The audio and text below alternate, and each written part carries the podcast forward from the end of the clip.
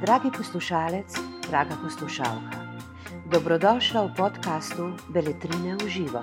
Tokrat se boste v knjigi Stekleni vrt pogovarjali avtorica Tatjana Cibuljak in Nina Gostiša. Drage gledalke in gledalci, danes je z nami moldavska pisateljica Tatjana Cibuljak, right? yes, um, ki gostuje v okviru festivala Fabula s svojim drugim romanom Stekleni vrt. Ta je pred časom, oziroma zdaj že pred nekaj leti, prejel uh, nagrado Evropske unije za književnost. V slovenščino ga je iz romuščine prevedel Aleš Mustar, uh, prev za prevode iz ruščine pa je poskrbela Sara Špelec. V romanu spoznamo protagonistko Lastočko, ki je odrasla v eni od moldavskih sirotišnic, na to pa jo k sebi vzame Rusinja Tamara Pavlovna. Skupaj na to nekaj časa uh, prodajata prazne steklenice, Tamara pa jo s časoma celo uh, zasužni. Lastočka s časoma odraste, spremljamo jo skozi različne obdobja njenega življenja, ko postane ginekologinja in naposled uh, mati.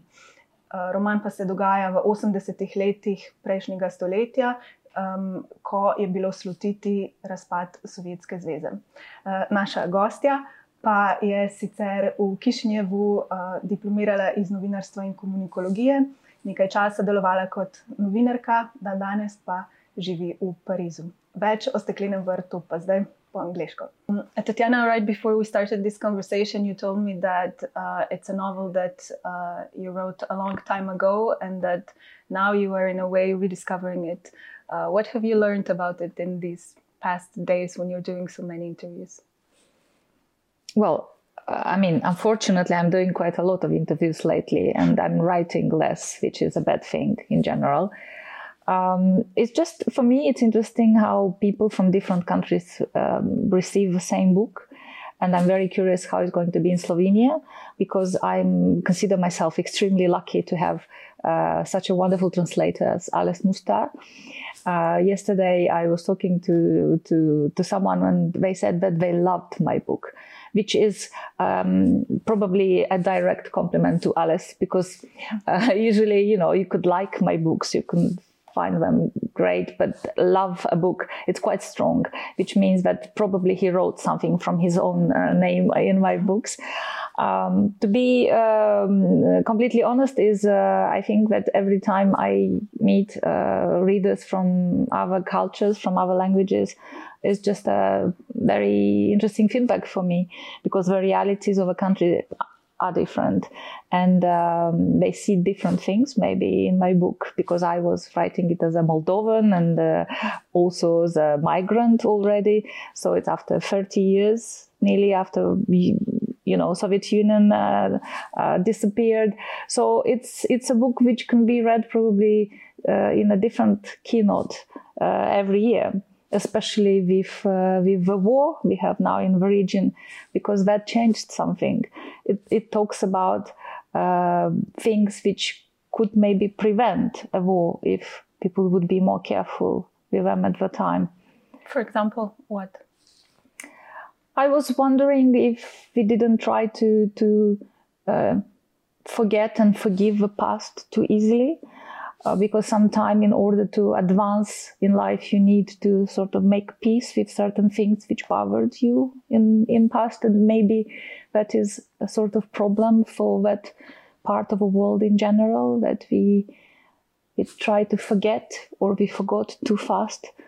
Because you know uh, sometimes uh, forgetting is helpful but sometimes it means a slow death as well now, um, the protagonist uh, lives and is growing up in um, a time when the Soviet Union is about uh, to fall apart, but when uh, Russification was uh, strong in uh, Moldova, and you also grew up in uh, that time. Um, however, the um, uh, how you uh, yourself speak of the Russian language that is along with its culture um, dealing with a lot of struggles uh, nowadays because of the war that we have in Ukraine. Um, as I got lost here. uh, I, I understood your question. We should be able usually to separate a language from politics, um, politics from a country. Uh, we should be able to do that, and uh, that's the, the correct way to do. You know, we should put uh, music, theater, language on one side and uh, war and politics on another. But can we do that? Can we really do that? That's another question. Um, I find it difficult. I find it difficult, uh, and saying that, um, I must say that I grew up with Russian as a second language, sometimes as a first language mm. in Chisinau, because as you said, that those were the years that everything was quite Russified. Uh, but now I find it quite difficult to to look uh, at the same uh, uh, films, at the same, uh, uh, you know, theater plays. Uh, I find it difficult to approach it with the same indulgence, with the same feeling. this is happening and it's normal to happen. It doesn't have to happen with everyone, and you can't oblige someone, you can't dictate to someone for him to, to take this attitude. It's happening with me. And during this year, Uh, I understood that it's it's very easy to to ask other people to feel like you but that's not going to happen only because you do that. So that is my personal approach to to this phenomena. I'm not saying that i'm going to burn russian books which i still have at home and which meant a lot to me but it's it seems to me somehow forced and unfair to to read them the way i did many years ago but um, you also uh, said in some previous interviews um, uh, about uh, the book, and that's also what I found uh, interesting, is that um, it sort of uh, help you deal with uh, your own identity. Um, in what way, and what did you discover, and how are you then maybe passing this on already to your children? Because you did write about some um, uh, things that uh, were also uh, dividing within your own family at home? Yes, I, I, mean, for me, um, I am. I live in Paris for many years, and my children speak, uh, of course, first of all French, mm-hmm. uh, second English because their father is uh, English, and it's easier for them probably to speak English than Romanian, which requires more effort and more convincing. But it, it, it's important for me to to to pass to them the story of my family, the story of uh, my country. I want them to be able to understand this not only from, uh, you know, newspapers when they will grow up and they will try to. I, I, want them to live with this. I want them to understand the changes they are going through. So I wrote this book also to to understand a bit of uh, who I became now, how much from my upbringing became uh, the way of life, how much uh, how do I identify myself uh, living in another country completely? And uh, that was also, um, I think, uh, a question which you would find very often coming up in discussions with generation, my generation, which is now mainly migrants. Um, because Moldova, as you know, it has a very high rate of migration, and basically people, adults of my age, are now um, let's put it put it like that trying to to form an, a life to start a new life in different countries.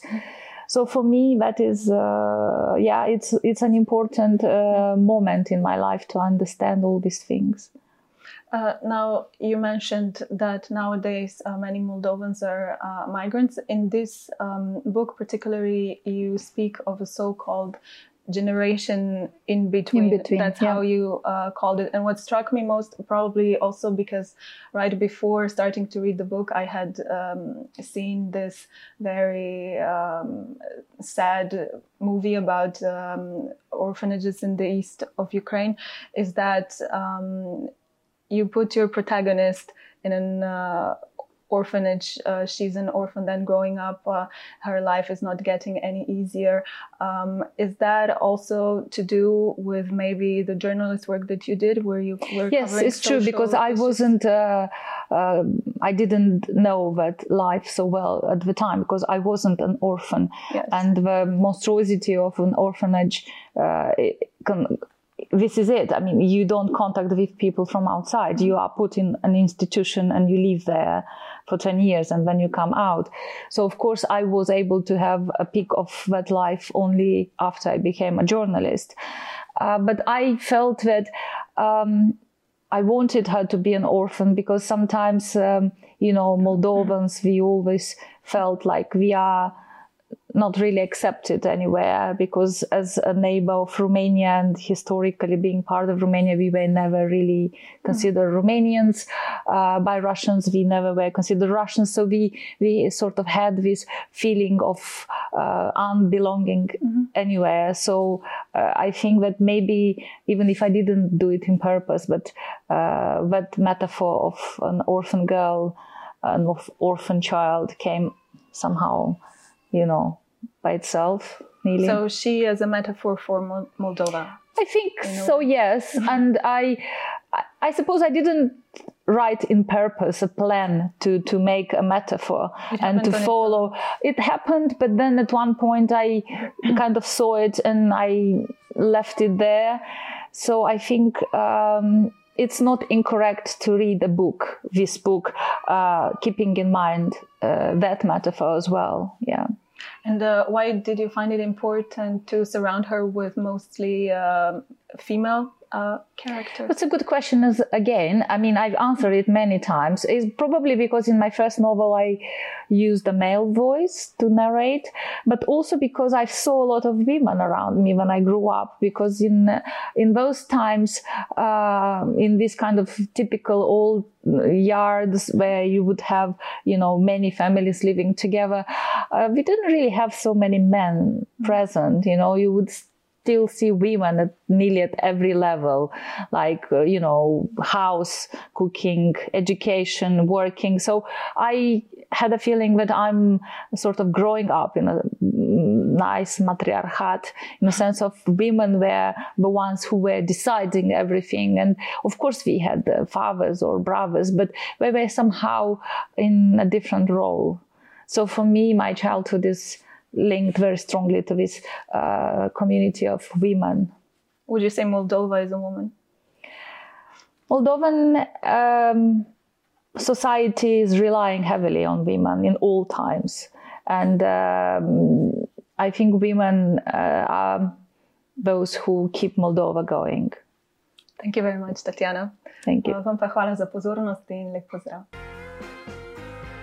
Najlepša hvala za vašo pozornost. Za več knjižnih vsebin vas vabimo na www.beletrina.si in v našo knjigarno na Starem trgu 3 v Ljubljani.